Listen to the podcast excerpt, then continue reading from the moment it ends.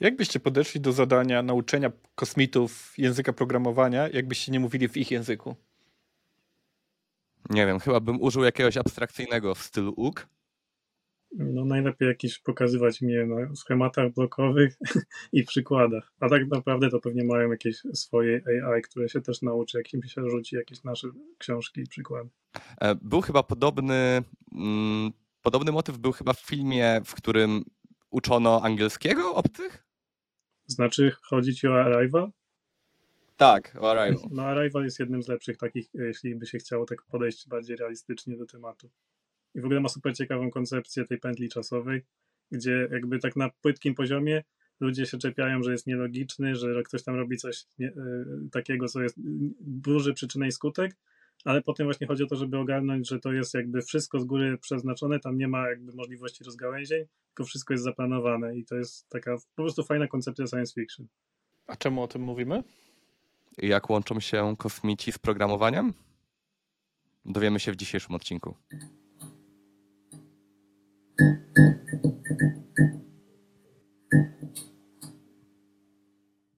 E, dzisiaj naszym gościem jest Kuba Raczyński. Cześć Kuba. Cześć. E, Kuba pracuje w firmie Ragnarsson już od kilku miesięcy i jest bardzo ciekawą osobą, dlatego też uznaliśmy, że będzie świetnym gościem dla naszego podcastu. Cześć Kuba jeszcze raz. No to też Was witam i wszystkich, którzy będą słuchać. E, Kuba, czy mógłbyś nam opowiedzieć trochę o sobie i o swojej drodze e, do, do nas, do firmy Ragnarsson? Jak to wyglądało? Okej, okay, więc tak. E, jestem programistą Ruby, e, który, mam tak około 8, no czy troszeczkę ponad 8 lat doświadczenia w branży. Jeśli chodzi w ogóle o start programowania, wydaje mi się, że to się wzięło w ogóle, z, tak jak pewnie u wielu osób, zamiłowania do komputerów i technologii, tylko u mnie to wyszło chyba z gier, bo w tamtych czasach trzeba było czasami się nakombinować, żeby gry odpalić, więc pamiętam jakieś przedstawienie DLL, coś tam, na przykład takie rzeczy jak e, tata zablokował kompa hasłem, więc jesteśmy tylko na tym, e, na ekranie logowania Windowsa, a Windows tego nie zabezpieczył, więc trzeba było sobie wcisnąć Windows R i odpalać e, wszystko poza systemem. No takie najróżniejsze rzeczy, no i po prostu jakoś tak mnie ciągnęło w tą stronę, ale chyba pierwsze styczność z programowaniem to było wyszła jakaś taka seria gazetek z kompilatorami na płytach i pamiętam, że to był e, Delphi z Pascalem i w tym sobie robiłem jakieś tam proste programy, to jest jakieś takie przygodówki tekstowe, no bo do tego ta gra e, ciągnęła, ale jakoś nie, nie byłem taki nigdy zaangażowany super mocno w programowanie. Później dopiero właściwie przyszły studia, które się wydały, studia informatyczne się wydały jedyną słuszną drogą właściwie, nie jakoś tak się nie wydawało nic ciekawszego. Chociaż muszę powiedzieć, że przez moment raz się zastanawiam nad takimi jakimiś zupełnie humanistycznymi E, jak e, jakieś filmoznawstwo, albo na przykład w ogóle projektowanie mody mi przez chwilę przechodziło przez głowę. ale to, to tak w ogóle abstrakcyjnie. Ale skończyła się informatyka, ale muszę powiedzieć, że studia jednak e, dają podstawy, ale troszkę zniechęcały do tego programowania, bo ja jednak się czułbym źle w pewnych takich strukturach korporacyjnych, a jednak do, w tą stronę bardzo to było mocno akcentowane, czyli wiecie, Java, programy ERP, jakieś takie bardzo myślenie tylko biznesowe, produkcyjne, no i się skończyło tak, że w ostateczności to już nawet siedziałem na specjalizacji z grafiki komputerowej i myślałem, że w jakąś taką stronę pójdę, że się zajmę projektowaniem graficznym, ale właśnie ten Ruby, którego poznałem e, praktycznie prawie że po studiach na własną rękę, to tak mi od, odżyło chęć do programowania bardzo mocno, bo wiele rzeczy mi się po prostu pomijałem e, masę zbędnych masę zbędnych rzeczy pisania naokoło. E, teraz oczywiście jest jakby z, z, doświadczeniem po latach widzę zalety jakichś tam języków statycznie typowanych i, i, w tą stronę też chętnie zmierzam, ale jak na tamten moment to była właśnie taka chęć, y, bo zawsze w programowaniu mnie najbardziej pociąga po prostu rozwiązywanie zagadek y, i, i takich problemów y, logicznych. Więc im mniej pisania rzeczy takich zbędnego boilerplate'u, tym, tym lepiej, tylko żeby się skupiać na logice. Dlatego też backend no i tak to w sumie, jak trafiłem do pierwszej pracy, pisząc, e, powiedzmy w cudzysłowie w rejsach, no bo tak zawsze robi z rejsami jest powiązane. To nie jest język programowania, wiemy tylko framework, ale mimo wszystko dalej e, rejs, jest się rejsowcem. No i tak to jakoś szło przez te lata. Ostatecznie ostatnie parę lat spędziłem w ogóle w, we własnym software house, który założyliśmy z kolegami i tam się bardzo mocno rozwinąłem, no bo jak to na swoim trzeba było dużo rzeczy samemu robić, więc poza programowaniem e, się zajmowałem też DevOpsami, architekturą, projektowaniem e, aplikacji, bo właściwie tak się skupiliśmy, że głównie e, tworzyliśmy rzeczy w mikroserwisach, w podejściu takim właśnie z mikroserwisami, co miało swoje wady i zalety, ale ogólnie naprawdę dobrze wspominam te, te czasy i w sumie nie byłbym tu, gdzie jestem bez takich bez takiej drogi. E, ale jeśli chodzi już o końcową część, czyli jak dołączyłem do Ragnarsona, no to takie mieliśmy czasy w ostatnich latach, że najpierw była pandemia, potem wojna, więc e, projekty, które robiliśmy, a, e, które mieliśmy robić, a które były związane z branżami, które zostały dotknięte tymi rzeczami, no to niestety się posypały, więc firma się troszkę rozleciała. No i, i taki był moment, że sobie przychodzę i myślę, co bym chciał w życiu dalej robić w karierze? No i tak, z jednej strony na pewno po tym, jaką miałem, jaki miałem luz i, i wpływ na, na firmę, chciałem koniecznie szukać firmy o polskiej strukturze, plus dodatkowo rzeczy, które chciałem robić, sobie myślałem, że o, fajnie by było w końcu jakieś takie może pozytywne coś dla świata zdziałać. E, no i to było tak sobie, myślę, spisuję sobie w notatkach, jak to zawsze wszystko lubię robić e, poukładane. No i następnego dnia przychodzi mail, chyba od Mariusza wtedy, e, że mamy taką, ma taką ofertę, taka firma, tutaj będziesz e, miał okazję pracować przy takim fajnym projekcie, który właśnie coś tam pomaga przy środowisku. No i taki zbieg okoliczności, jak w ogóle dużo zbiegów okoliczności w życiu miałem, które mnie pchały w, w karierze. Idealnie uważam, że trafiłem i bardzo mi się tutaj podoba. W sumie te, jest, już pracuję jakoś tak ponad 3 miesiące no i, i zajmuję się w, w, tym momencie właśnie programowaniem backendowym, głównie w Railsach. Plus y, właśnie to, co mi daje Ragnarson, czy jeszcze sobie tam współpracuję przy różnych innych y, rzeczach związanych z software house'em, jak jakaś rekrutacja i tego typu rzeczy. Więc to jest koniec y, mojej drogi.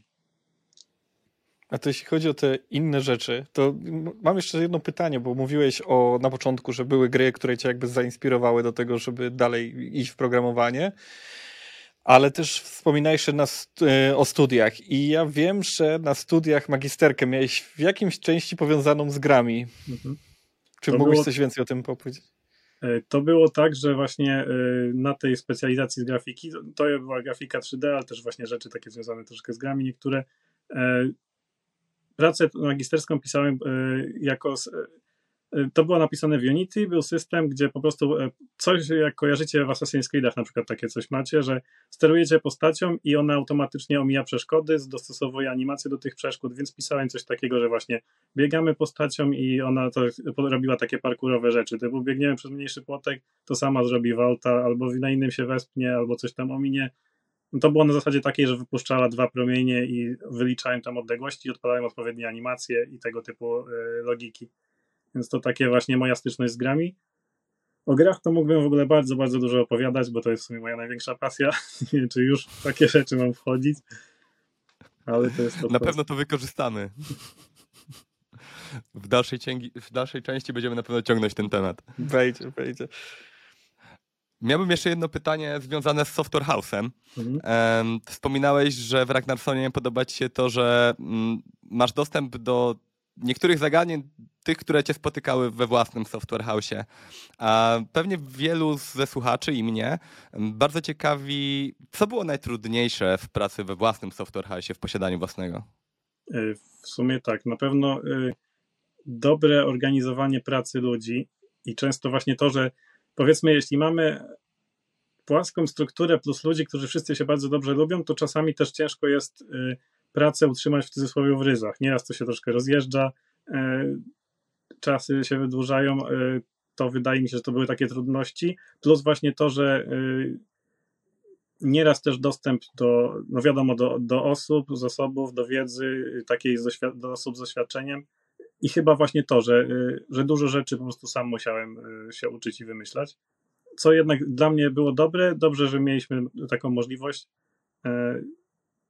ale właśnie tutaj bym to się doszukiwał. Na szczęście było tak, że ja nie ja się zajmowałem, jakby wiadomo, pozyskiwaniem klientów takimi rozmowami, bardziej od strony technicznej, ale mimo wszystko to, że ja miałem wgląd cały czas, wszystko były dyskusje, jakby wszystko o wszystkim wiedziałem jako członek założycielski, Więc, y, więc dlatego bardzo nie chciałem trafić w miejsce, gdzie po prostu ktoś mówi mi, co mam robić i nie mogę dyskutować na ten temat nic, bo ja ogólnie nie uznaję tak, e, tak po prostu e, takiego autorytetu znikąd. Po prostu muszę czuć zaufanie do kogoś i ktoś musi, e, muszę najpierw kogoś poznać dobrze. A kwestie papierowe? E, co ma... W sensie dokumentacji, podatków, etc.? To pytasz o osobiste podejście, czyli tak zwana własna działalność, czy działanie Software House'u? Pytam w Software House, jak bardzo to było upierdliwe. Mieliśmy wywiad z Kubą e, niedawno, więc spodziewamy się, że tutaj możemy się również dowiedzieć jakichś smaczków. Znaczy to w sumie tutaj to wam wiele nie opowiem, bo to jakby stroną biznesową, to starałem się tego unikać i właśnie tutaj w Ragnarsonie też się takimi rzeczami nie, nie zajmuję, mamy też od tego ludzi, więc tutaj wam historii jakichś nie, nie poopowiadam ciekawych w, w tym temacie, bardziej właśnie tylko te techniczne przygody. No to opowiedz w takim razie jakąś techniczną przygodę. Spotkało cię jakieś duże wyzwanie albo jakiś duży problem, może duży fuck up? znaczy może nie fuck up, ale duże wyzwanie, które było według mnie jedną z takich ciekawszych rzeczy, które robiłem, to było przy pracy DevOpsowej, bo ogólnie DevOps nigdy mnie jakoś niespecjalnie pociągał i w ogóle jak, jak miałem być tą osobą od zajmowania się AWS-em, e, no czy najpierw ktoś inny zajmował, ale później ja, ja to przejąłem, e, najbardziej mi się nie podobało to podejście, że że taki DevOps na zasadzie, że tutaj jakiś szablon muszę stworzyć, coś tam wyklikać, w ogóle duże wyklikiwania, mało automat automatyzacji, a jeśli automatyzacja jest, no to właśnie na zasadzie takich szablonów, które, y, które są też upierdliwe. Y, I wtedy właśnie jakoś tak się złożyło, że AWS zaczął coś tam działać i już jakiś czas to miał, miał coś takiego jak CDK, Cloud Development Kit i to było takie SDK dla, dla kilku języków programowania, gdzie cała struktura y, AWS-owych narzędzi jest zamknięta w tych bibliotekach. E, w tym wypadku ja pisałem w TypeScriptie, w ogóle wtedy właśnie poznałem TypeScripta, polubiłem jego statyczne typowanie, to, bo to jest domyślny język dla CDK, ale też jest tam chyba JavaScript, Java w Python. I właśnie to, że zrobiłem e, w tym CDK taką jakby jeszcze aplikację na tym opartą, bo, znaczy właśnie, bo pominąłem najważniejsze rzecz. CDK, poza, właśnie poza tym, że jest taką biblioteką kodową, w związku z tym, że jest biblioteką dla języków programowania, to my możemy tworzyć całą infrastrukturę AWS-a pisząc normalnym językiem programowania. Czyli mogłem sobie wyabstraktować, e, powiedzmy, mieliśmy tak, że mamy mikroserwisy, najczęściej to są apki jakieś tam rubiowe, railsowe, więc robię sobie klasę, która jest e, tyczy się właśnie aplikacji rejsowej, ma typowe konfiguracje, będzie na typowym AWS-owym powiedzmy Fargate, jeśli tam będzie wrzucana i wszystkie kolejne instancje mikroserwisów, no to jest normalna pętla, leci po, po naszym pliku konfiguracyjnym i tworzy nowe instancje i generuje ten CDK nam taki szablon ostateczny, który trafia do AWS-a na tam CloudFormation. No i normalnie, jakbym był takim zwykłym DevOpsem, to bym się musiał namęczyć z pisaniem takiego e, szablonu, ewentualnie jakiś skorzystać może z narzędzi, Mamy też taką, e, no w sumie na, na rynku był znany też Terraform, nadal jest cały czas bardzo popularny. E, to jest z kolei jeszcze taki zespół, zestaw automatyzacji e, do, do tworzenia właśnie tych AWS-owych, znaczy do, do, do właśnie do zarządzania tym całym deploymentem na AWS-ie. I w tamtym czasie właśnie tylko był, znaczy no CDK był tym Infrastructure as a Code, a Terraform jest bardziej takim swoim DSL-em, gdzie tam mamy, musimy się nauczyć jego sposobu działania ale jakiś czas temu, już po tym, jak już ten projekt rozwinąłem, teraz mamy coś takiego, że Terraform połączył się z CDK i w CDK możemy korzystać z rozwiązań Terraforma, więc to jest też takie najlepsze połączenie dwóch światów i myślę, że właśnie to jest super, jeśli ktoś by chciał się zajmować AWS-em, jest programistą i ma te zdolności do, do tworzenia takich aplikacji, żeby się temu przyjrzeć. Wspomniałeś o, nie, czy pojawił u ciebie się e, TypeScript ze względu na to CDK e, i AWS, a jednak jesteś Railsowcem. E, dlaczego tak zdecydowałeś? Jakie były przewodnie, żeby cię poprowadzić do Railsów? Znaczy tak, bo nie było oczywiście rubiowego, rubiowej wersji, bo gdyby była, to pewnie bym pisał Ruby, ale tak jakoś chciałem spróbować tego TypeScripta, bo nie zawsze słyszałem dużo dobrego i było, gdybym e, porozmawiał ze sobą 8 lat temu, to bym pewnie nie chciał się w to pakować, albo wybrałbym zwykłego JavaScripta, żeby mieć pełną wolność, ale tutaj właśnie e, to, że poznałem zalety tego statycznego typowania, znaczy no wiadomo, że stykałem się z tym wcześniej, tylko że wcześniej miałem troszkę inne podejście, takie bardziej jak się pisze mniejsze aplikacje, to się wszystko wydaje, że chce się zrobić jak najszybciej albo tak bez większego jakiegoś ultra przemyślenia, chociaż no i tak zazwyczaj się starałem mocno myśleć, teraz czasami nawet uważam, że za dużo, ale y, ogólnie y, to dało, to, że na poziomie już po prostu pisania kodu mieliśmy masę takich podpowiedzi, sprawdzania czy, błędów bez, bez w ogóle jeszcze przed uruchamianiem wszystkiego. To jest super zaleta tego. No i ogólnie jakoś tak y, właśnie chyba z, tego powodu najbardziej polubiłem TypeScripta, a po, oprócz tego no troszkę miałem jakby tam wyzwań, wiadomo, z, z nauką jakby troszkę innego podejścia niż w Rubim. Mm. Nie wiem, czy to właściwie miałem odpowiadać na te pytania o wyzwaniu, już chyba się a, e, zakręciłem. A chciałbyś wrócić kiedyś jeszcze do TypeScripta? Y, myślę, że mógłbym w nim coś tam popisać, może nawet się zdarzało, ale ogólnie moje plany na to, to na jakieś tam inne języki, no to na, najchętniej to bym pewnie pisał w Elixirze, bo to jest taka według mnie dobra droga dla lubiowca, przejście w funkcjonalne języki i to, to jak się gdzieś tam przyglądałem czasami Elixirowi, to najbardziej mi się tam podobały dodatki, które mogę wykorzystać i jakieś części składowe języka. E, przy okazji Terraforma i CDK wspomniałeś, że doszło do połączenia dwóch światów. E, chciałbym teraz trochę pójść w tym kierunku i połączyć dwa światy. Wiem, Kuba, że jesteś programistą twardo stąpającym po ziemi, ale chciałbym się na chwilę od tej ziemi oderwać, ponieważ wiem, że twoimi zainteresowania łączą się między innymi ze zjawiskami paranormalnymi. E, mógłbyś powiedzieć, jak to się zaczęło i skąd to się wzięło?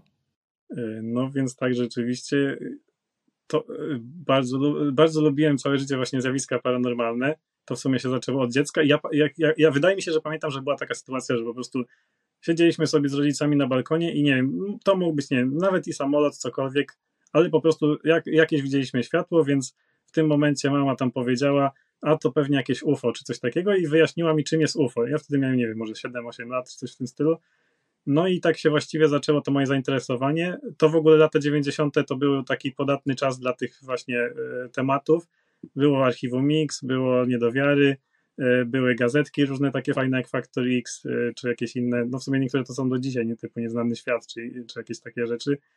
Ale właśnie bardzo, po prostu ogólnie bardzo mnie pociągają takie tematy, które są troszkę niezbadane i w których jest jakieś ziarno prawdy, że nie wiemy do końca, czy to, na, czy to jest tylko fikcja, czy nie E, i, i, i można się nad tym pozastanawiać ciekawie. Właśnie tematy UFO są według mnie, znaczy, bo, bo przez lata wiadomo, w dzieciństwie troszkę było bardziej różnych zjawisk paranormalnych, mieliśmy to jakieś kryptydy typu potwór z Loch Ness czy Bigfoot, e, no i to było, tak sobie szło, ale myślę, że jednak ten taki korowy temat, który do dzisiaj mi został, to jest UFO, bo to jest y, coś, co jednak cały czas uważam, że jest dosyć istotne, co, co jest w tym jakieś nawet więcej niż żadna prawdy, patrząc na masę różnych e, relacji, rzeczy, raportów wojskowych e, i, i, to, i to właśnie też ciągle nieraz ciągnie właśnie do rozmyślań jakichś takich filozoficzno-naukowych, które bardzo też lubię takie, takie tematyki podejmować. I, i, i, to, i to jest, to ogólnie uważam, że jeden z najważniejszych tematów, które ludzkość powinna się zająć. A mógłbyś coś więcej powiedzieć o tym, czym właściwie jest UFO? Bo większość z nas tak. Y, UFO kojarzy jako zielonego ludzika z dużymi oczami, a przecież to nie o to chodzi. Tak, no UFO to jest po prostu Unidentified Flying Object, czyli po prostu jakiś tam niezidentyfikowany obiekt latający. Co prawda przez te wszystkie lata popkulturowo już no właśnie mamy takie nastawienie, że to właśnie, no, no, w polskim to fajnie się to też mówi, że mam, mówimy ufole na obcych, E, i w ten sposób do tego podchodzimy. Było takie czasy, że no bo mamy też spolszczenia, więc mówi się też null, niezidentyfikowany obiekt latający, ale właśnie to jest tak, że na samym początku, znaczy na samym początku ogólnie, jakby się tak spojrzeć w historię, to to się działo od ilość tam tysięcy lat, jakieś takie mogły być rejestrowane podobne zjawiska, które nazywamy do UFO, ale gdzieś tak się ta współczesna historia w cudzysłowie zaczęła w okolicach tego 47, czyli e, kiedy była rzekoma katastrofa w Roswell, i w tamtych okolicach ludzie nazywali to wszystko po prostu latające spotki, że latające talerze i, i tak dalej. I potem dopiero został przyjęty ten termin, który miał troszkę odczarować tam ten termin latających spotków. I teraz właśnie w ostatnich latach wchodzimy w trzecią fazę czegoś takiego, bo teraz znowu na poważnie się zaczyna zajmować tym tematem, więc mamy coś takiego jak UAP, czyli Unidentified Aerial Phenomena, po to, żeby nie mówić, że to są konkretnie obiekty, bo po tym jak, e, no czy nawet wojsko, czy ludzie tam badali, to nie, są, nie można stwierdzić jednoznacznie, że to są właśnie fizyczne obiekty, które sobie gdzieś tam są, bo to mogą być po prostu jakieś światła, to może być cokolwiek, czego nie wiemy jeszcze, może jakieś nieznanych nam dziedzin fizyki. E, więc Gazy to, bagienne chyba są częstym uzasadnieniem to podawanym przez 50. rządy. Tak było właśnie, że się mówiło, że no, to jest gaz bagienny. No i właśnie teraz dlatego się mówi UAP, więc jak się chce szukać to w ten sposób, to jest właśnie kolejny raz odczarowanie terminu, który już się zaczyna negatywnie kojarzyć ludziom, więc wymyślamy nowy, który może będzie luźniejszy i, i chętniej może ktoś wtedy zacznie to badać, nie mając tej, tej stygmatyzacji w cudzysłowie, jak to się też mówi w tej branży, w cudzysłowie branży. A czy miałeś taką sytuację, no bo mówiłeś o tej sytuacji, jak byłeś młodym chłopcem, e, gdzie z rodzicami widzieliście to UFO e, teoretycznie, a czy później, jak już zdobyłeś wiedzę na temat właśnie takich zjawisk i tak dalej, czy pojawiło się jakieś takie zdarzenie, gdzie sam na własne oczy miałeś styczność z czymś takim?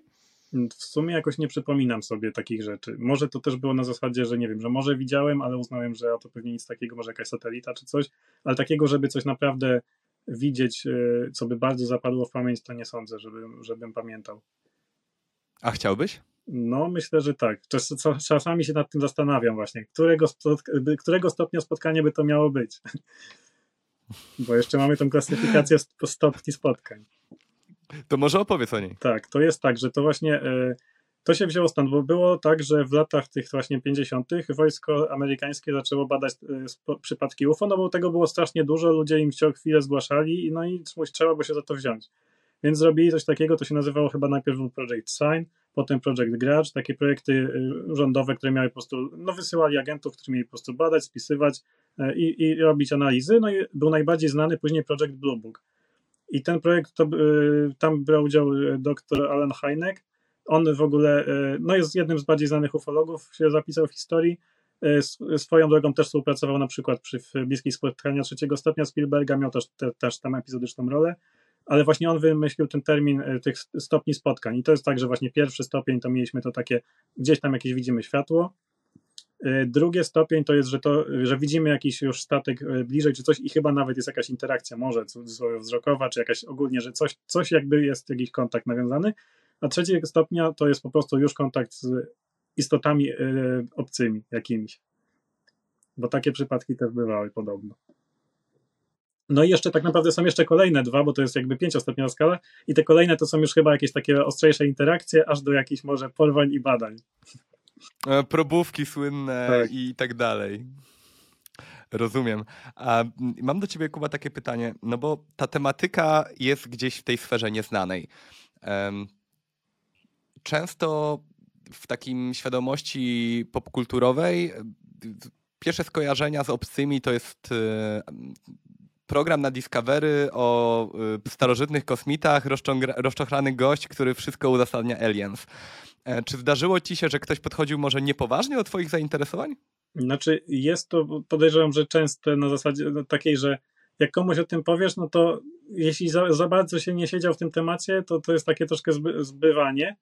E, ale ja ogólnie zawsze podchodzę w taką ideą, że jeśli ktoś mnie zna, i wie, na ile jestem, powiedzmy, poważny, jakieś tam inteligencję mam i tak dalej, to ja mam zawsze taką nadzieję, że jeśli ktoś zobaczy, że, że ja się chętnie bardzo tym zajmuję, interesuję, to żeby, żeby tak chociaż się sobie zapalić głowie, no, że a może jednak coś tam w tym jest i, co, i, i coś tam sobie poczytać i spróbować, e, że może nie będzie to zepchnięte na, na karp tego, że powiedzmy, a to jakieś tam ekscentryczne zainteresowanie, tylko że, że może jednak, e, no tak naprawdę wydaje mi się, że to jest po prostu kwestia tego, że nieraz e, wystarczyłoby troszkę więcej poczytać i to, to nie na zasadzie poczytać, że, bo tak wiadomo, że no, nie, o, o, można też poczytać o płaskiej ziemi i, i, i, uważać, że o dobra płaska ziemia, ale to chodzi bardziej o to, że żeby odnaleźć takie jakieś poważniejsze źródła i, i to jakiej to jest w skali olbrzymiej.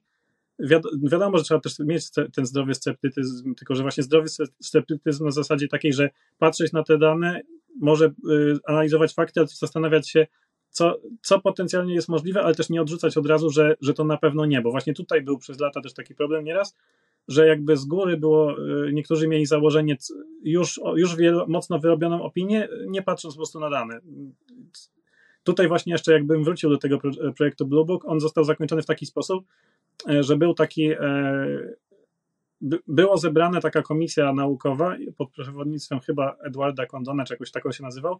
To był naukowiec, który po prostu on, on, on mówił, że on nic nie ma, w ogóle go to nie obchodziło i i miał na celu po prostu zebrać tam paru naukowców i stworzyć raport, który raz na zawsze powie, że to jest nic takiego. I tam było coś takiego, z tego co ja pamiętam, że ci ludzie, którzy to badali, w tym raporcie były informacje, że są niewyjaśnione sprawy bardzo ciekawe, których nie, nie są jak w stanie wyjaśnić i zupełnie jakby treść tego całego du, dużej księgi nie miała się nijak do wniosków, które później było napisane po prostu nic takiego, nie, nie musicie się tym przejmować. To miało chyba duży wpływ później na też opinię publiczną i, i tak już w sumie to do dzisiaj zostało. I dlatego ja się bardzo cieszę tych zmian ostat, w ostatnich latach, które zaczęły wychodzić o których też pewnie coś tam jeszcze poopowiadam. A to ty tak cały czas poruszasz temat, że właśnie amerykańscy naukowcy, amerykańskie wojsko, e, wszystkie nazwy są angielskie i to tak jakby się trochę nie równoważy. Czy jest jakieś UFO, które jest w Polsce?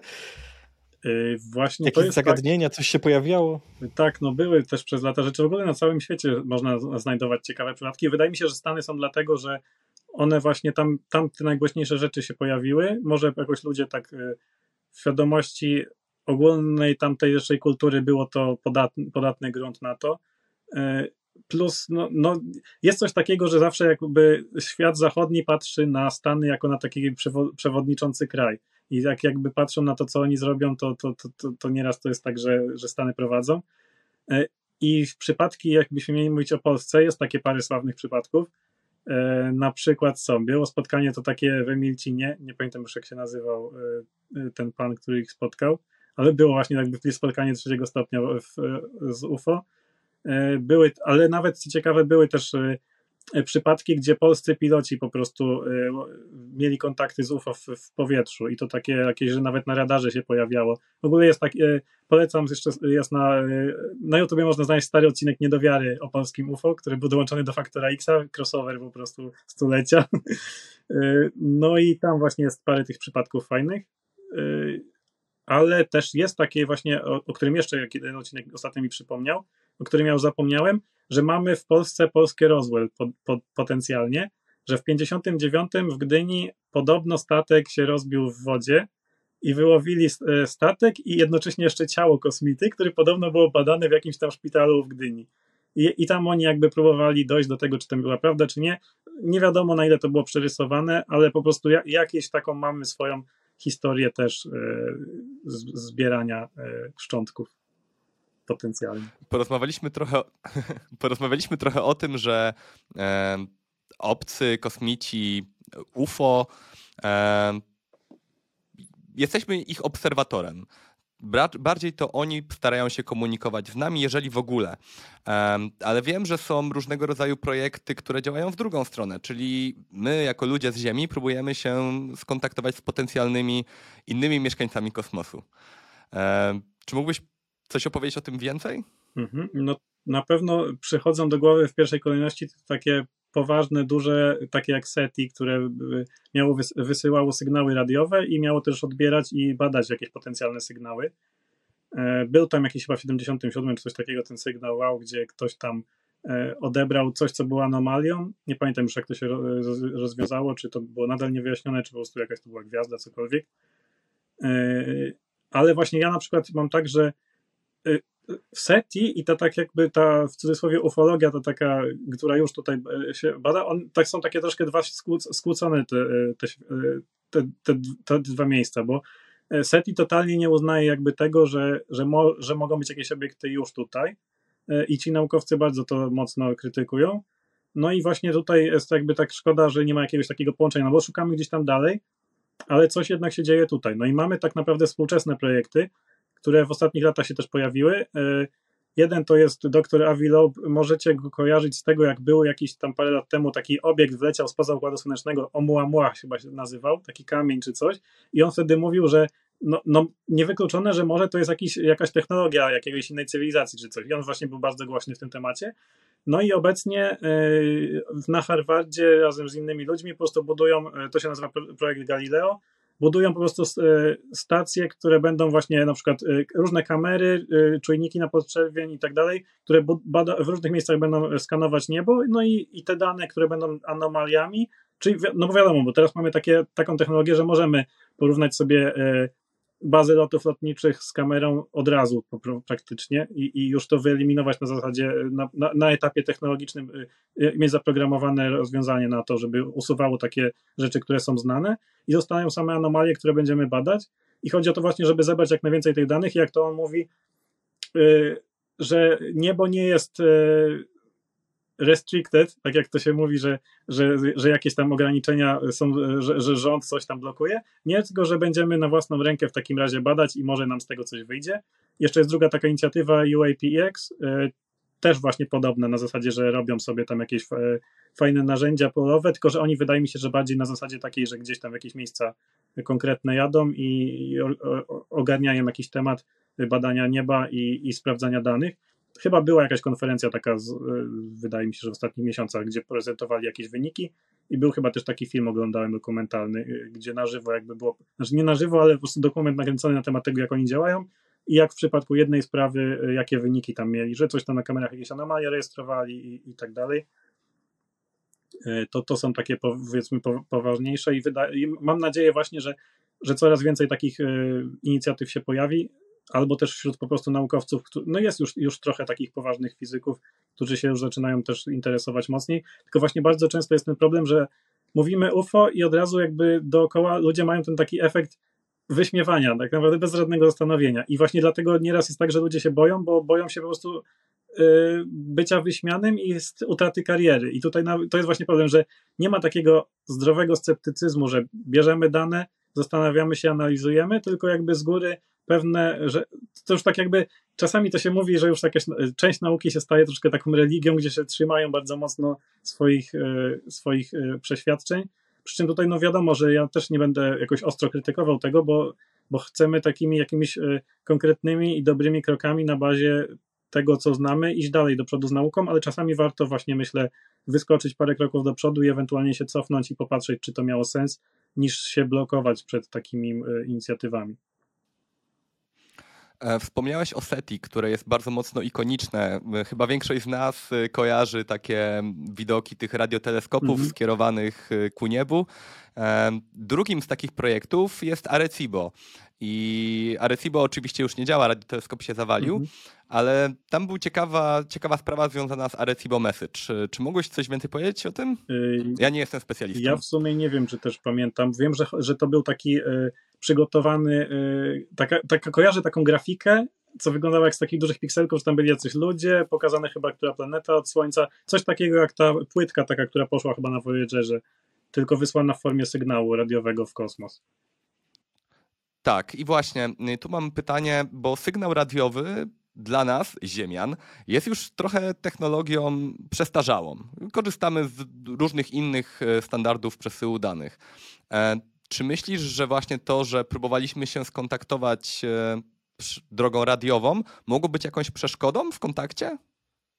Podejrzewam, że tak, albo na przykład na takiej zasadzie, że jeśli to wysyłamy, jakaś cywilizacja to odbierze, to cywilizacja, która jest na podobnym poziomie i tak tutaj nam nic nie zrobi. Znaczy nie wyśle nic, ani, ani się nie skontaktuje na przykład. Może też tak być, E, no i właśnie, właśnie to nie wiem, czy to nie jest rzeczywiście, no bo to już się dzieje od lat 70., że wysyłają ten sygnał i nic wielkiego się nie udaje. Może to nie jest nie tędy droga, powiedzmy. E, tutaj to właśnie prawdopodobnie, e, jakbyśmy chcieli naprawdę coś robić inaczej, to pewnie tylko te sondy kosmiczne, albo mam nadzieję w przyszłości wysyłanie sztucznej inteligencji, która sama będzie w stanie wiedzieć, jak sobie polecieć, jak badać i, i będą nam przysyłać informacje i dane tutaj jest właśnie też taki ciekawy temat, że właśnie zastanówmy się w drugą stronę, bo bardzo często e, w temacie UFO myślimy kosmici z jakiejś innej planety. Tutaj jeszcze jakieś inne teorie są najróżniejsze, o których jeszcze może powiem, ale właśnie jedna z teorii jest taka, że po prostu część z tych rzeczy, które do nas przylatuje, jeśli przylatuje, no ale powiedzmy, że, że na razie na potrzeby dyskusji, że tak, raczej tak, E, to są prawdopodobnie na przykład właśnie rzeczy sterowane sztuczną inteligencją, przez to, że jeśli ktoś by miał konwencjonalnymi metodami dolecieć, no to by miał problem e, z biologicznym organizmem, więc jest wysłane jakieś roboty, technologie, które są tutaj e, przysłane do mapowania i testowania i badania Ziemi. Bardzo takie charakterystyczne to w latach 70. były takie latające trójkąty duże z trzema światłami i relacje ludzi, którzy je widzieli, wskazywały właśnie na coś mapującego teren, bo te trójkąty latały tak powoli, zakręcały sobie i wyglądały jakby ktoś po prostu skanował całe, całe, całe połacie terenu.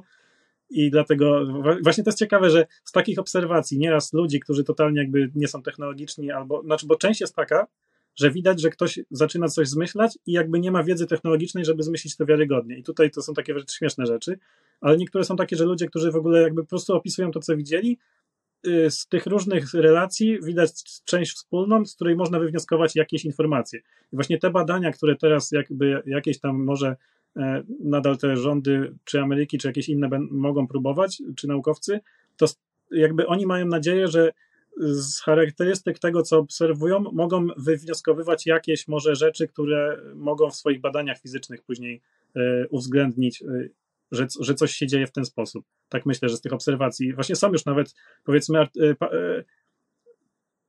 nie wiem jak to po polsku mówić, ale te papiery naukowe, po prostu prace naukowe, które można sobie poczytać, y, chyba nawet y, było takie coś, że, że rząd USA, pamiętam, zamówił, to było jakoś nie tak dawno, parę lat temu, jakieś takie potencjalnie, jak takie technologie science fiction mogłyby zostać wykorzystane i w jaki sposób je stworzyć. I było chyba tak z jakieś 30 prac czy coś takich fajnych na temat warp drive, jakichś takich innych rzeczy, gdzieś tam jakby potencjalnie, najczęściej przeszkodą jest po prostu energia, którą musielibyśmy wykorzystać, ale ale teoretycznie dałoby się to zrobić. Tutaj właśnie najciekawsze są właśnie te e, technologie napędów tych, tych warpowych, które zakrzywiają czasoprzestrzeń, bo tutaj to na przykład wyjaśnia, dlaczego, jak są niektóre z tych statków, mają bardzo takie y, dziwne ruchy, albo bardzo nagłe zwroty, albo przyspieszenia, które mogłyby zmiażdżyć ludzi. Dlatego właśnie, że one powiedzmy, jeśli zakrzywiają tą czasoprzestrzeń, to jest tak dla nich, jakby, jakby one się w ogóle nie ruszały, tylko wszystko dookoła się przesuwało. I to jest właśnie tak jakby y, w ten sposób, jak się na to spojrzy i pomyśli, to jest właśnie takie wyjaśnienie, aha, no może to jest właśnie w ten sposób logiczne wyjaśnienie. A e, jeszcze poruszę jeden temat, który już zacząłeś mówić, bo mamy te różne technologie do wysyłania, odbierania sygnałów, na różne sposoby próbowaliśmy się kontaktować, ale też wspomniałeś o pilotach samolotów, którzy na radarach odbierają i też wiem, że to się zdarza, że na przykład na e, jednostkach pływających na radarach typu mhm. lotniskowcach też te sygnały są odbierane, ale jednak tych jednostek nie widać na niebie ani nigdzie. Jak to działa? Co... Tutaj, znaczy, bo tak, bo y, tak no, jeszcze pokrótce wtrącę jedną taką rzecz, y, krótką y, ciekawostkę, którą tam część ludzi na pewno słyszała, czyli że w, w, w, przed 47 jeszcze, w trakcie II wojny, pojawiały się, piloci widzieli takie różne światła, które nazywali Foo Fighters, stąd się wzięła nazwa zespołu. E, I to, to właśnie to już wtedy takie się zdarzały jakieś akcje, ale w te współczesne takie, ostatnim, no to właśnie jest tak jak mówisz, że przy lotniskowcach, to w 2004 są te najbardziej znane przypadki na Nimitz, to się nazywał ten lotniskowiec, gdzie piloci widzieli, ale właśnie nie były niewidzialne, tylko rzeczywiście widzieli te tak zwane tiktaki, no po prostu taki był kształt, tak to nazwali. I one, e, to było tak, że właśnie e, i widzieli, i kamery nagrały. To są takie trzy filmy, które są takie sławne od 2017, zostały przez New York Times opublikowane. Przy czym tam chyba dwa są z 2004, a któryś jest tam późniejszy. I jeszcze słyszałem, że chyba w 2019 się to powtarzało. E, no i właśnie to jest ciekawe, że tu z jednej strony e, piloci widzą, mamy relacje, mamy na radarze też potwierdzenie tego, że tu się zgadza, tutaj jeszcze jakieś, e, jakieś jeszcze innych danych i to jest właśnie to, że, że te przypadki są dlatego takie dobre, bo to nie jest tak, że właśnie tutaj to jest też trochę mnie boli, jak nieraz właśnie te te, te, te filmy z, wy, wydane w 2017 nieraz widziałem, były takie analizy jakieś YouTube'owe, ludzi, którzy próbowali to ośmieszyć, więc po prostu oceniali to pod kątem takim, no dobra, to tutaj światło coś tam odbija tak i totalnie jakby zlewają y, i do, doświadczenia pilotów, że oni widzieli to oczami, że radar to potwierdza i tak dalej, tylko analizują sobie ten krótki wycinek. I tutaj jest właśnie to, że, że to jest takie bardzo wybiórcze podejście, żeby jakby udowodnić swoją rację, a nie podejść do tego jakoś tak y, powiedzmy rozsądniej. A to twoje niewi- to... mówiłeś o niewidzialności. Właśnie nie wiem, jak, e, jakbym do tego o tym powiedział. Właśnie tutaj to może o tych jeszcze e, takie, takie ciekawsze teorie, dlaczego statek taki, a nie inny, są na przykład takie, że jakby, że może na przykład być, e, jak zaczniemy myśleć o przestrzeni wielowymiarowej i na przykład jeśli rzeczywistość ma więcej wymiarów niż te nasze, i nie mówię tutaj o wymiarach multiversum, bo multiversum to jest jeszcze swoją drogą, to wymiary przestrzenne i wyobraźmy sobie, że ten statek to nie jest w pełni obiekt fizyczny, trójwymiarowy, taki sobie nasz statek, tylko coś, co zajmuje przestrzeń większej ilości wymiarów i to w naszych trzech wymiarach staje się tylko jakby przekrojem. To jest tak, jak mamy trójwymiarowy obiekt, który na kartce jest jakimś kółeczkiem, to tutaj mamy coś, co jest przekrojem tego, co jest tak naprawdę czterowymiarowe i to zaczyna y, zachowywać się w taki dziwny sposób, bo to jest tylko jakby jakaś tam wizja rzutu tego na ten wymiar. To jest takie właśnie, ja właśnie lubię takie rozkminki, bo nawet nie chodzi o to, czy to jakby mm, teraz to potwierdzę fizycznie, czy nie, ale po prostu jak to ciekawie można sobie zacząć wyobrażać takie rzeczy i, i zastanawiać się tak, e, jakby, żeby sobie rozruszać mózg i zastanawiać się nad teoriami. Wspomniałeś o tym, że często do takich materiałów e, podchodzi się krytycznie, że ludzie próbują je ośmieszyć. E, chciałbym trochę w takim razie porozmawiać o właśnie kontrowersjach związanymi, związanych z obserwacjami niezidentyfikowanych obiektów latających, ponieważ wspominałeś, że lata 90.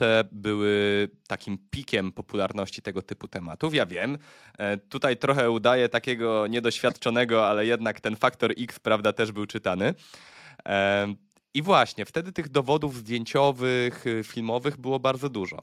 Jednakże wraz z rozwojem technologii i aparatów cyfrowych, tych dowodów zaczęło być coraz mniej. Czy to UFO, czy to duchów, akurat dzisiaj o duchach nie rozmawiamy, ale, ale to się trochę łączy.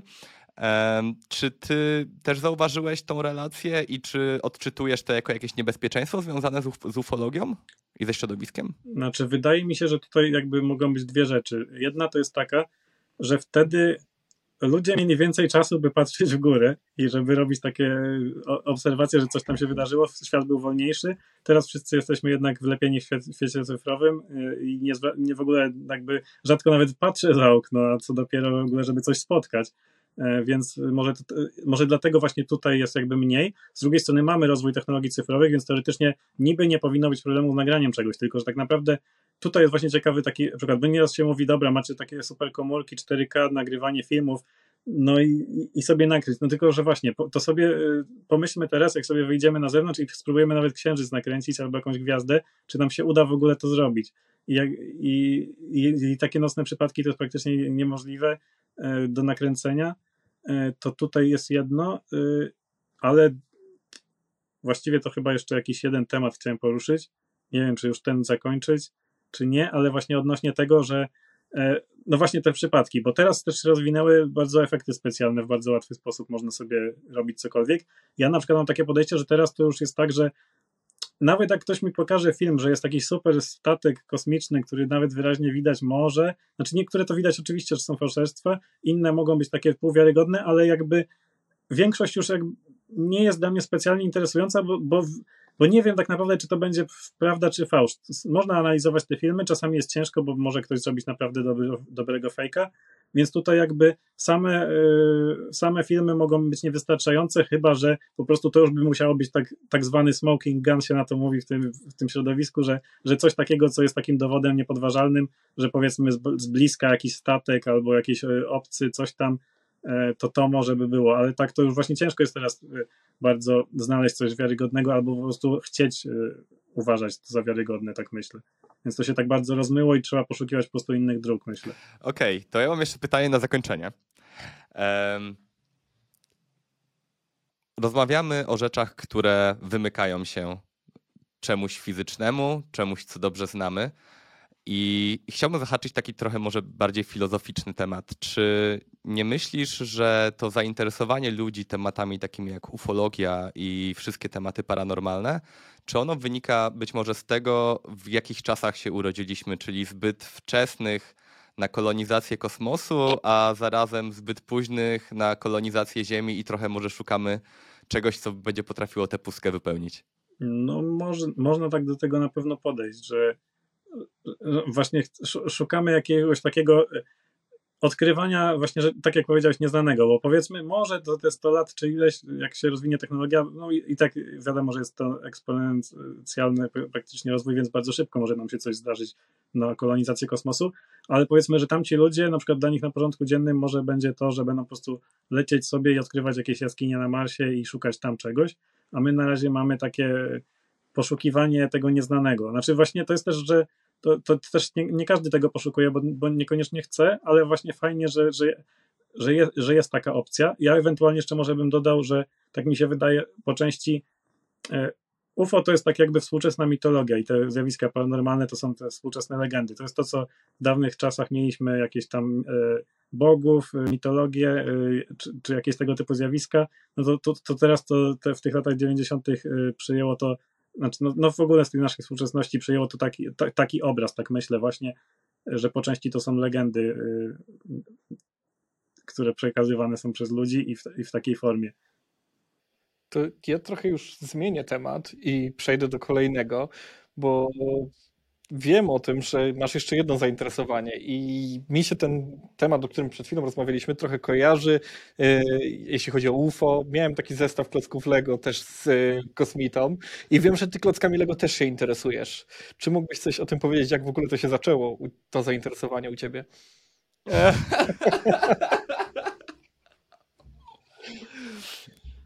To jest oficjalna figurka? Yy, tak, to było w serii minifigures taki był i on jeszcze miał taki laser. O, tutaj mam. Ja w ogóle mam, mam te figurki, bo mam na, właśnie na zestawach takich, jeden sobie siedzi na rakiecie Saturn, a drugi jest z tyłu y, lądowania na Apollo i tam za, za astronautami sobie ich prześladuje. Pytanie, czemu nie jest zielony? tak. Bo to szarak. Tak, to jest szarak. Ja właśnie bardzo żałuję, bo był, pojawił się na LEGO Ideas, o którym pewnie coś, coś tam wspomnę. Jeszcze taki projekt, żeby zrobić zestaw z archiwum Mix. Niestety, przeszedł do review LEGO, ale niestety nie przeszedł do produkcji. E, szkoda. Ale jak chciałeś pytać o, o czego się zaczęło w LEGO. Pier był taki, pamiętam, pierwszy zestaw e, taki malutki z Ice Planet, to było chyba w latach 90., może jakieś 98, coś takiego, coś takiego. E, po prostu łazik taki na lodowej planecie, e, ludzik z nartami takimi kosmicznymi. To to pamiętam jako mój pierwszy zestaw. No i to, to było takie dosyć standardowe, po prostu od czasu do czasu jakieś zestawy, budowanie. W tamtych czasach to było jeszcze tak, że miałem oczywiście pewnie jak wiele osób wiadro, do którego były zrzucane te klocki wszystkie. No plus budowanie też zestawów, wiadomo. Teraz troszkę inaczej do tego podchodzę. Teraz to jakby, no jeszcze właśnie, bo może po prostu opowiedzieć pokrótce, jak to dalej szło. E, no to. Dawaj. No to tak, no to były sobie te zestawiki, było to normalne takie moje jedno z fajniejszych zainteresowań, które lubiłem. No ale y, potem jakby to troszkę zeszło na bok. Y, pewnie się bardziej skupiłem na grach, ale to znaczy klocków tak totalnie nie odrzucałem, ale, ale był taki moment po prostu, że cudzysłowie zeszły na, na dalszy tor i w ogóle się nimi nie przejmowałem, nie interesowałem już to jest e, określenie wśród e, ludzi e, bawiących się Lego, określenie Dark Age po prostu, żeby przyszły mroczne wieki i się nie bawiło Lego. No i potem jest powrót, tych dorosłych się nazywa afalami, czyli Adult Fan of Lego. No i jak wróciłem do Lego, to, pomyśla, to sobie pomyślałem, dobra, no to teraz biorę wszystkie moje zestawy, kataloguję, posortowałem sobie wszystkie części ładnie w oddzielnych pudełeczkach narzędziowych, no, kategoriami, tam kolorami i tak dalej, bo myślałem, że będę się bawił w jakieś poważniejsze budowanie. E, no i zacząłem też wykorzystywać narzędzia takie e, różne, których też tam jeszcze zaraz może wspomnę, do katalogowania Lego. No i, no i tak się właśnie to hobby odżyło, że ja teraz po tych latach powrotu bardziej się tym na pewno interesowałem i zajmowałem niż wtedy, jakby w dzieciństwie byłem, bo poważnie do tego podchodziłem, ale bardziej też na zasadzie takiego właśnie już kolekcjonowania zestawów, a mniej układania kreatywnego. E, bo uznałem, że no, mało czasu jest, a mi się po prostu bardzo podoba to, co Lego wypuszcza i, i niektóre zestawy mnie po prostu bardzo mi się podobają te, tematycznie e, albo wizualnie też bardzo często. Ogólnie uważam, że Lego wypuszcza tak dużo dobrego, że po prostu nie ma na to miejsca albo pieniędzy, żeby to pomieścić wszystko, że aż się tylko chce ciągle. Już doszedłem do tego momentu, że już po prostu nie kupuję za bardzo z tego względu, że nie ma miejsca.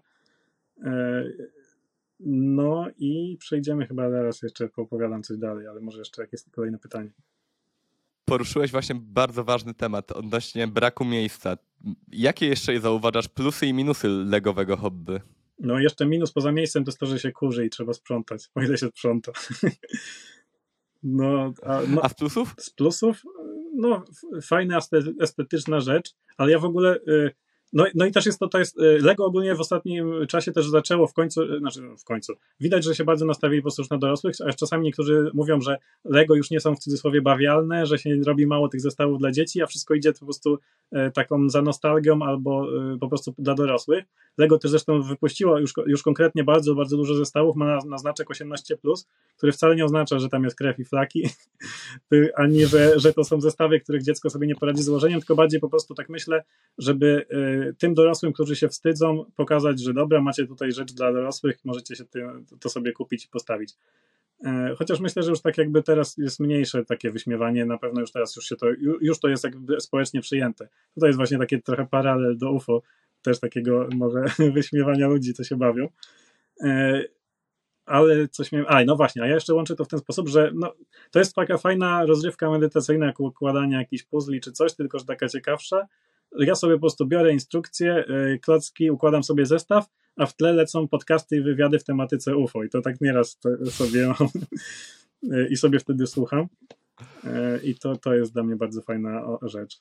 A trudności jeszcze, no to pewnie jakieś tam planowanie, co, co, co, kupować, jakby to organizacja tego wszystkiego, cała branża, inwestycje jakieś.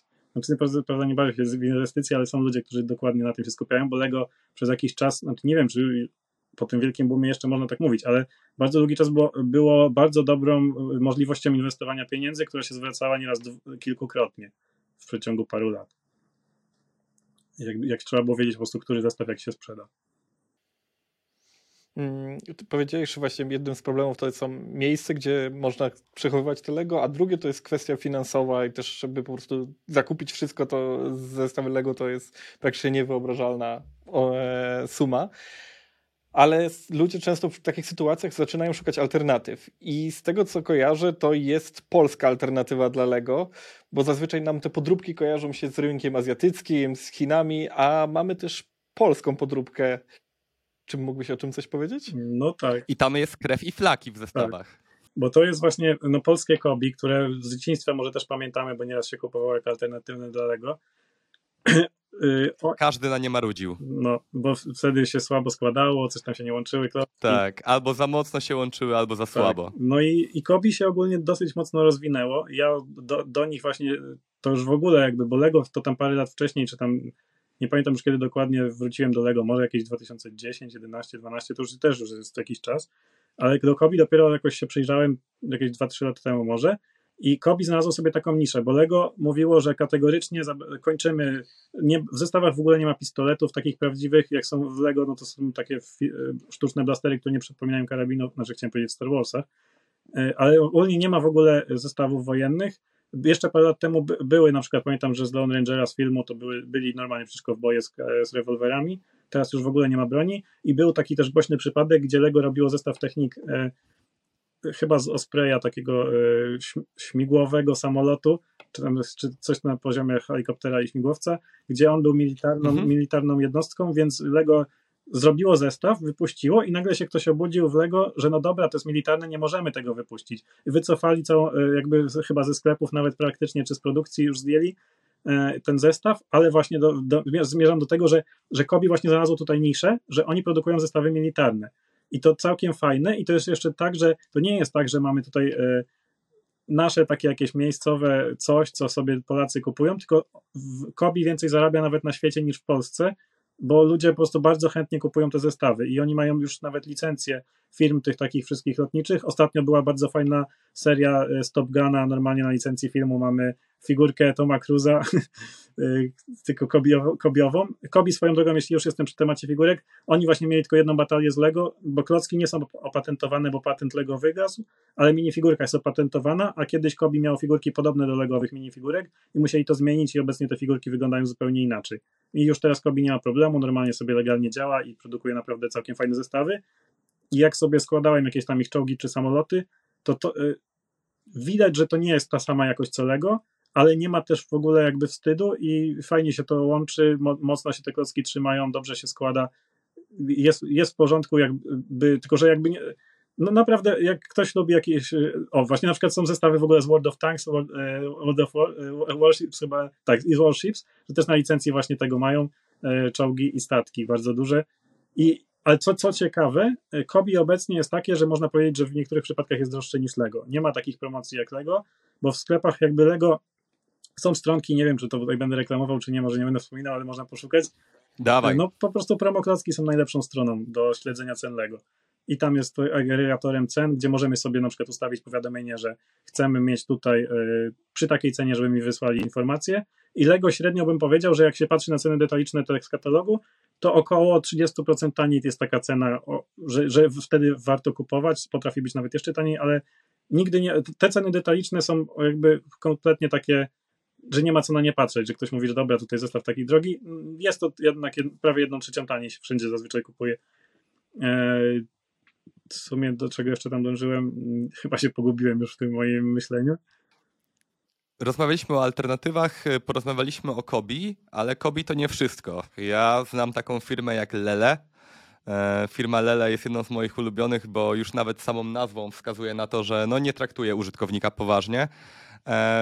I ich klocki są fatalnej jakości, ale wiem, że to nie są wszystkie możliwe tak. alternatywy.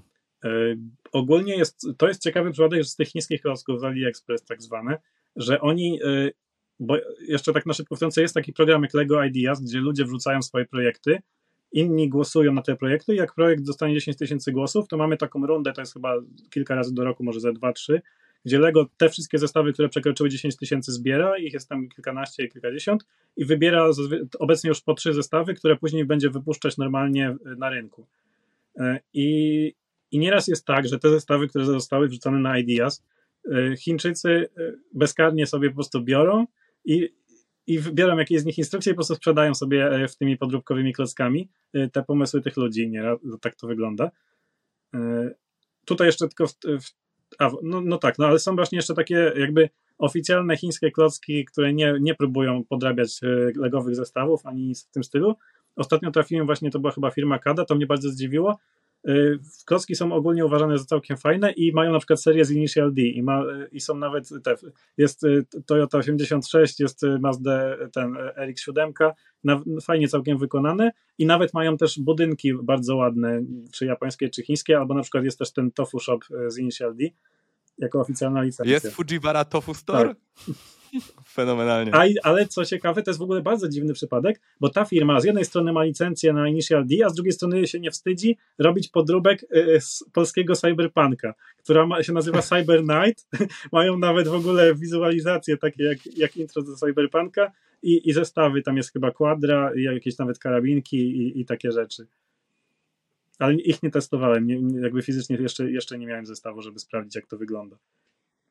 Tam jeszcze tylko właśnie chciałem wspomnieć odnośnie Ideas, yy, że jak mówiłem o pierwszym zestawie, to zestaw, który uważam, że najlepszy w historii LEGO, to jest Saturn 5, właśnie który wyszedł z Ideas. I Ideas wygląda tak, że jakby jest jakiś pomysł, później LEGO razem z tym projektantem to y, robią y, refinement, przerabiają parę iteracji i wychodzi zestaw sklepowy. I właśnie ten zestaw jest o tyle super, że on w cenie, który oferuje, liczbę klocków, jaką oferuje i efekt końcowy to jest po prostu fenomenalny, bo mamy rakietę, która jest naprawdę chyba, nie wiem, ponad metr czy więcej wysokości i sobie się nawet nie spodziewa tego, jak z tej ilości klocków, które normalnie wychodzą troszkę niższe zestawie, tam jest w ogóle 1969 klocków chyba, czy tak w związku, że to jest, ma być e, historyczne e, odniesienie do Apollo, e, do lądowania na Księżycu, no to właśnie ten zestaw daje nam taką olbrzymią rakietę za okolice tam 300 paru złotych, co za to w normalnym zestawie się to, takiego czegoś nie dostanie.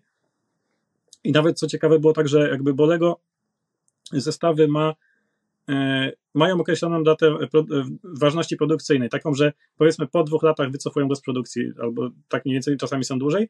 Saturn został wycofany, ale był tak popularnym zestawem, że go wznowili po prostu z innym numerkiem po paru latach i nadal go da się obecnie kupić w sklepach.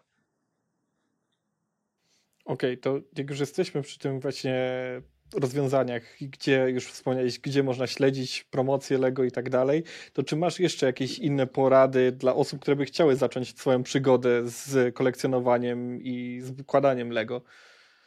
Mm, to ja na przykład polecę takie dwa serwisy. Jeden to jest Brickset, to jest taka jakby, można powiedzieć, Wikipedia Legowa, gdzie mamy masę informacji o zestawach, ale też tam sobie można prowadzić własną kolekcję i wishlistę, e, z której ja właśnie tam korzystam. Y, i on się łączy po API z drugim serwisem, który jest bardzo fajny, Rebricable, gdzie y, to jest serwis, który y, możemy zobaczyć jak, po tym, jak powiedzmy stamtąd zaimportuje nam kolekcję klocków, możemy do tego jeszcze dodać informacje o jakichś pojedynczych, które znajdziemy. Ja tak też robiłem, bo jak na przykład nie wiedziałem, jaki zestaw mam, to, to sobie po prostu wpisywałem pojedyncze i potem mówi nam, jakie inne zestawy z Lego możemy z tych klocków ułożyć łącznie z, z, ustawianiem filtrów na zasadzie, czy chcemy, żeby był identyczny, czy na przykład nie, nie zależy nam zupełnie na kolorze, albo czy chcemy, żeby mniej więcej tylko odcienie się zgadzały, czy powiedzmy, że zestaw był w oryginale niebieski, ale mamy więcej czerwonych klocków, to zrobimy czerwony na przykład samochód.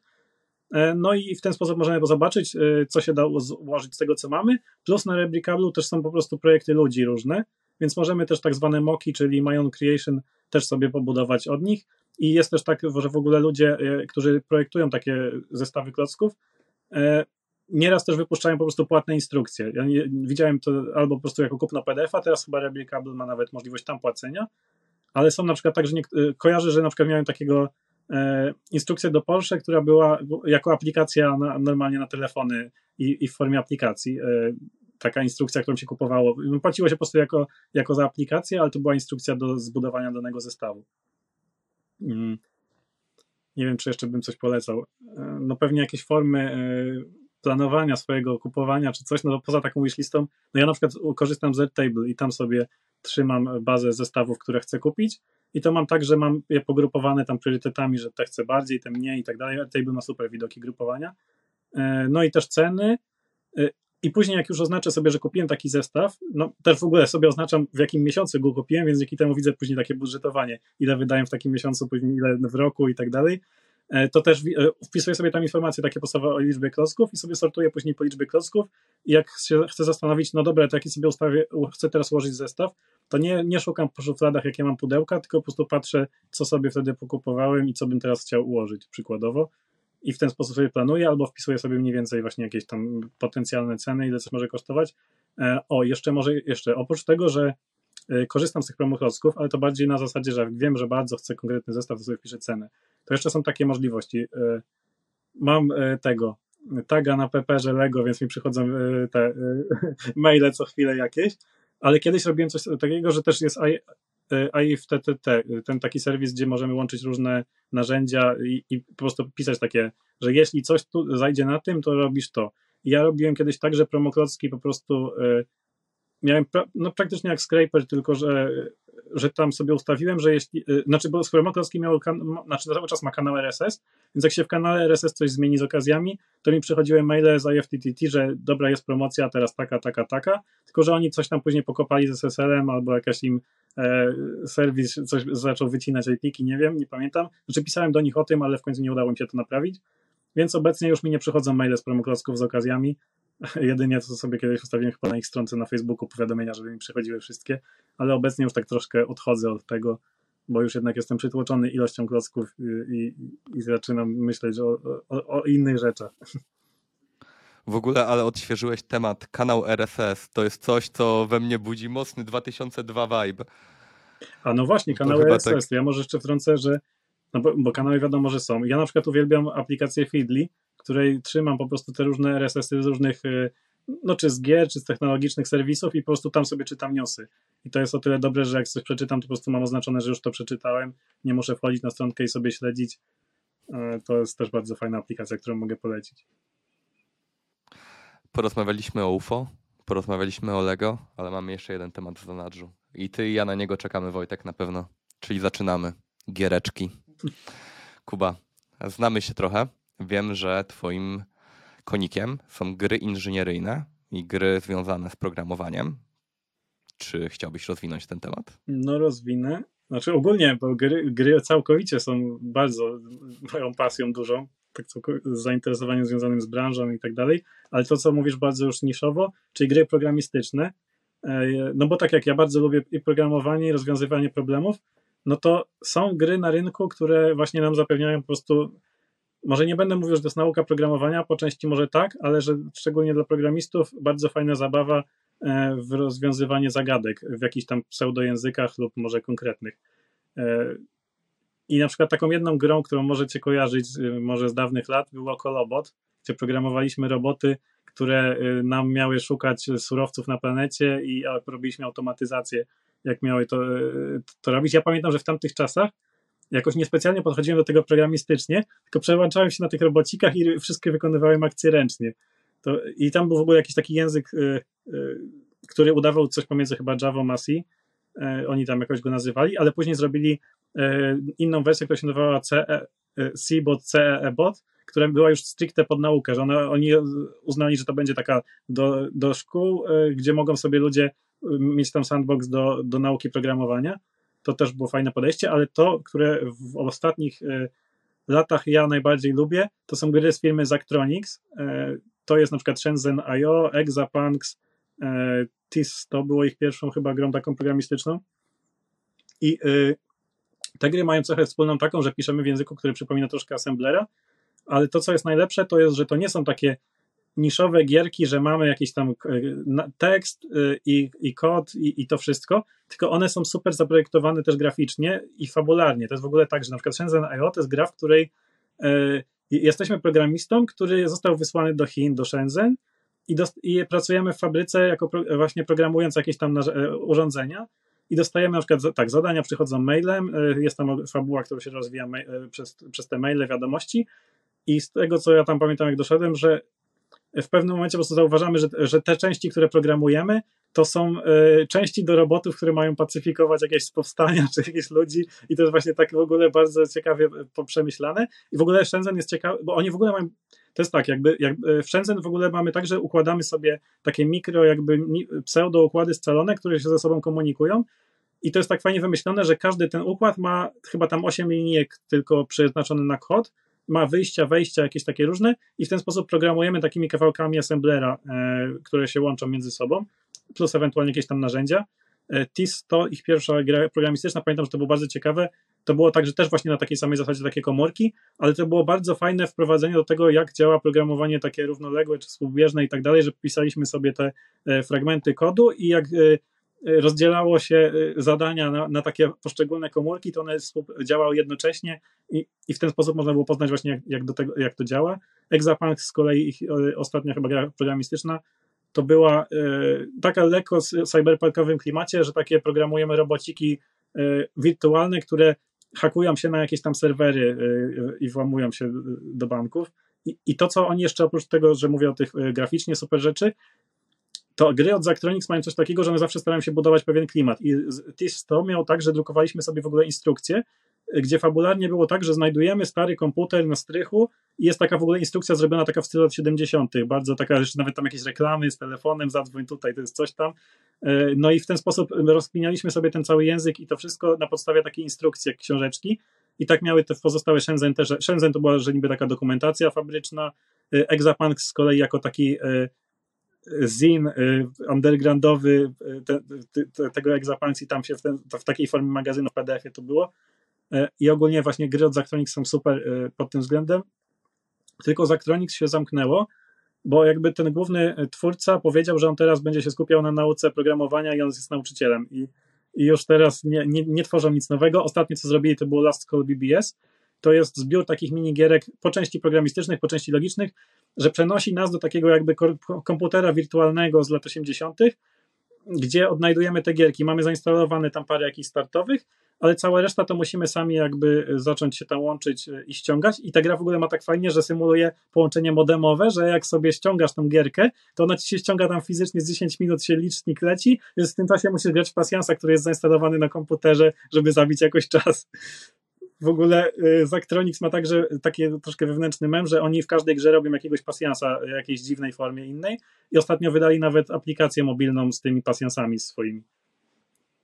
To, to tyle bym się mógł rozgadać, bo, bo właśnie jest też masa jakby y, ich y, firm, które klonują to, co oni zrobią i jest w ogóle tak, że nazywa się już taki subgatunek Zack-like, tak jak mamy Souls-like czy coś, to jest Zack-like od Zachtronics i właśnie są firmy, które to robią. Na przykład jedna z ciekawych, to, które grałem, to jest Signal State, gdzie łączyliśmy po prostu takie analogowe moduły kabelkami e, i tam już było na poziomie na przykład tego e, jakiegoś tam modulacji napięcia czy coś, że można było zobaczyć jak działa na przykład bramka logiczna taka fizycznie prądowa, e, jak to jest budowane. To też naprawdę takie, to są rzeczy, które z jednej strony się bawimy grą, ale nawet jako programista, który na przykład nie schodził tak nisko poziomowo, możemy się nauczyć ciekawych właśnie takich technicznych spraw. E, jak już to jest standard, chyba przy każdym wywiadzie zadajemy to pytanie, e, więc muszę ci to zadać pytanie, tylko ja trochę rozszerzę dla ciebie specjalnie, bo pytanie jest, jakie są twoje trzy ulubione gry, ale ty musisz wymienić ich sześć. Trzy ulubione gry komputerowe i trzy ulubione planszowe, bo wiem, że też grasz planszówki.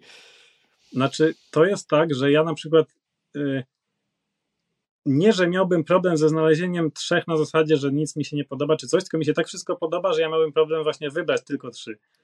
I, ale dobra, z komputerowych. Y, kiedyś, jak ktoś mnie pytał o to, to ja powiedziałem, że seria Assassin's Creed jest moją ulubioną. Co prawda, jakby ostatnie części nie są jakby już aż tak, nie lubię ich aż tak bardzo, bo jednak te rozwleczone open worldy to nie jest to, co poszukuję w grach. E, ale, e, ale dobra, załóżmy, że jakiś tam Assassin's Creed 2, bo to jeszcze było to, że tam były takie fajne klimaty teorii spiskowych, w jedynce to już w ogóle ta końcówka była super. Tam, tam w ogóle są klimaty starożytnych kosmitów i to, co oni tam jakby rozwijają przez te lata, to są takie moje bardzo ulubione rzeczy.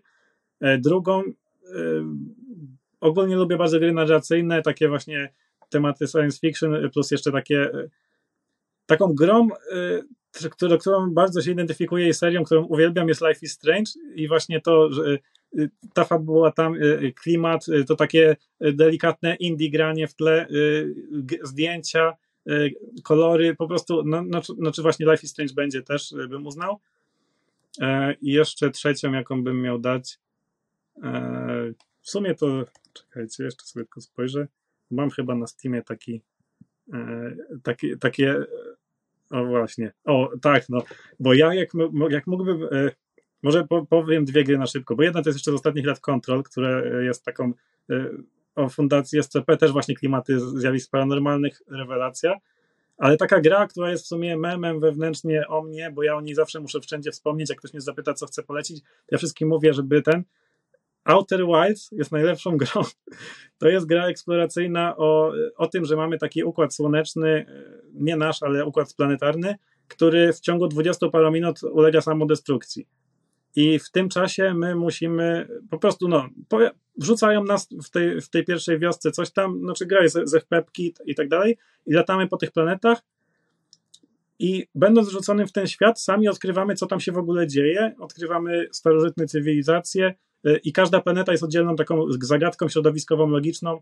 E, przykładowo jest jeden układ dwóch planet, gdzie się przesypuje piasek z jednej na drugą i jak szybko tam dolecimy, to jeszcze mamy szansę pogrzebać coś w tych jaskiniach, bo później jaskinie będą zasypane piaskiem. I w ten sposób, to jest w ogóle ciekawe, że ta gra jakby systemowo jest cały czas tym samym, e, bo to jest jakby symulacja w kółko ta sama, 20 parę minut identycznie, ale my jako gracz sami w sobie Y, rozwijamy swoją świadomość tego świata i odkrywamy to wszystko, co tam się dzieje, mimo że gra, gra w środku nic się praktycznie w niej nie zmieniało, aż znajdujemy tą drogę, gdzie jesteśmy w stanie ją przejść, bo wiemy już wszystko, y, poznaliśmy różne odnogi i wiemy, jak zakończyć cały, cały proces. I to jest naprawdę taka, taki troszkę e, e, evenement, bardzo ciekawy pomysł i naprawdę gra, którą każdemu polecam zagrać, żeby zobaczyć, jakie są możliwości w grach. A planszówki? bo chyba, że coś tam jeszcze chcecie komentować, ale mogę też na szybko planszówki. Planszówki uwielbiam. Y, czy chciałeś coś dodać? Nie, A, dobra. To planszówki to bym powiedział, że moje ulubione to są na przykład e, cała seria Arkham Files, czyli wszystkie Lovecraftowe od FFG. Najbardziej chyba posiadłość szaleństwa, czyli planszówka łącząca tablet i, i planszę z figurkami. E, ogólnie bardzo lubię właśnie te wszystkie takie gry przygodowo-narracyjne w planszówkach.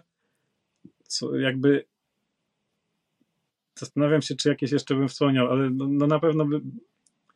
O, na przykład z takich jeszcze innych, e, z kolei nie, nie narracyjnych, ale mechanicznych bardzo lubię parki. E, Parks, e, taka gierka, gdzie po prostu mamy tych pod, takich hikerów, podróżni, wspinaczy, znaczy nie wspinaczy, tylko podróżników, którzy sobie idą po tych parkach narodowych i zbieramy surowce i, i, i kupujemy te parki. Gra, która jest po prostu rewelacyjna pod względem wizualnym.